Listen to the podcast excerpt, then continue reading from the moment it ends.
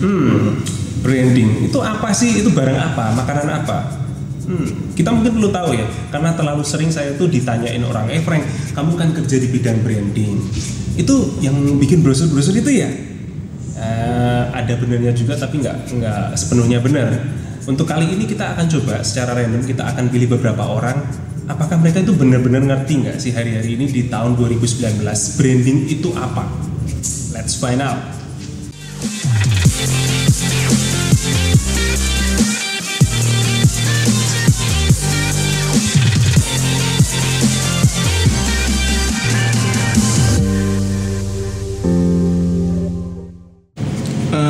Branding itu sebuah promosi untuk peningkatan sebuah brand tertentu atau sebuah personal branding sendiri. Branding itu hasil produk dari suatu perusahaan tertentu. Branding itu adalah satu ciri khas atau karakter dari satu perusahaan.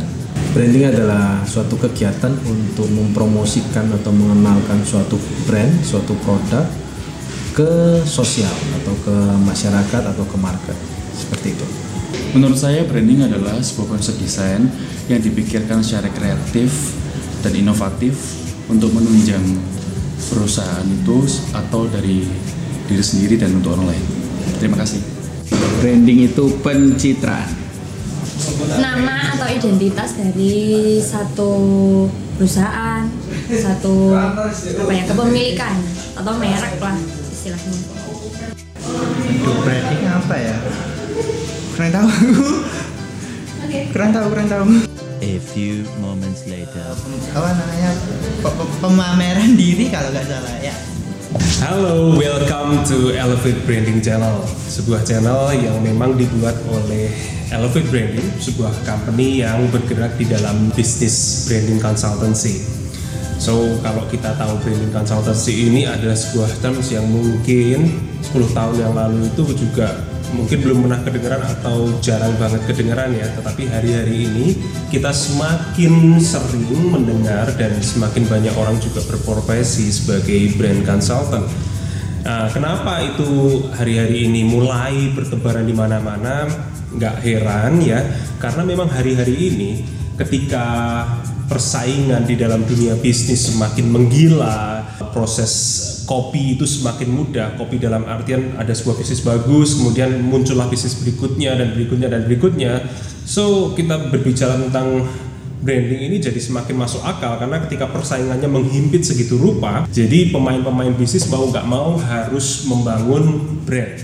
Itu mutlak harganya hari-hari ini ya. Kalau kita berbicara tentang branding, pasti tentu pertama kali kita harus ngerti dulu branding itu apaan sih. Untuk mengerti tentang branding, saya paham sekali bahwa itu bukan suatu hal yang mudah. Menjelaskannya pun juga bisa panjang dan lebar sekali karena memang bisa dibahas segitu panjangnya. Kalau ini sebagai mata kuliah ini bisa-bisa satu semester habis membahas branding sendiri juga bisa. Tetapi kita akan mencoba mengupas, mengupas dan di dalam sesi-sesi kita bilang ini adalah uh, brand talk, kita berbicara tentang branding. Kita akan mencoba menjelaskan dari berbagai sisi dan kali ini saya akan mencoba membantu menjelaskan branding itu apa dari satu contoh yang nanti akan saya peragakan ada alat peraga di sana. Kalau kita bicara soal branding, branding itu tentu asal katanya dari brand atau merek atau sebuah entitas identity yang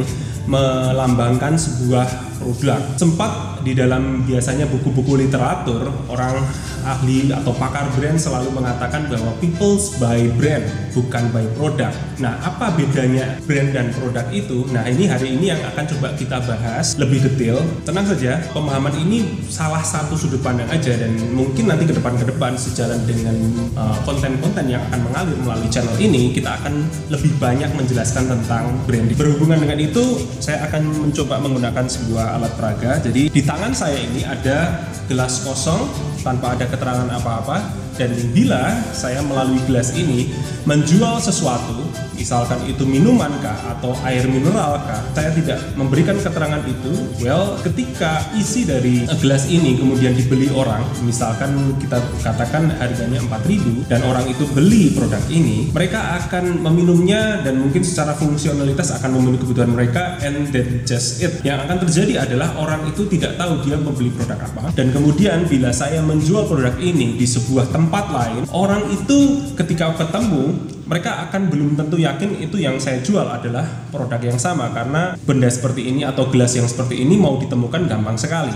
Tetapi lain cerita bila ketika kita menggunakan gelas yang dia sudah menggunakan ada nama brand di sini, identitinya sudah ada di situ. Jadi ini penting sekali karena dengan memberikan sebuah identitas di dalam gelas ini, ketika orang membeli, orang tahu, oh ini itu adalah merek ini. Saya nggak sebutin mereknya ya.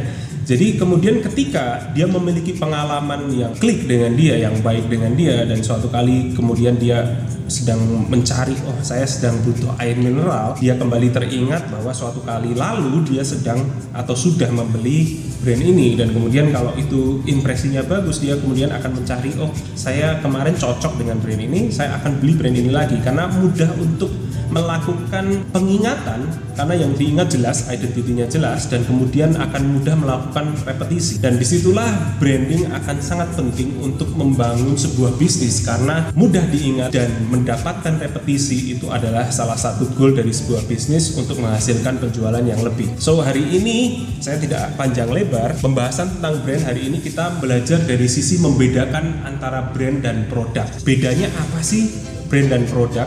Dan bagaimana impactnya terhadap bisnis kita. Oke, sekian saja materi hari ini. Kita akan terus belajar melalui konten-konten yang akan kita post melalui channel Elevate Branding. Sampai ketemu di waktu berikutnya. Bye bye.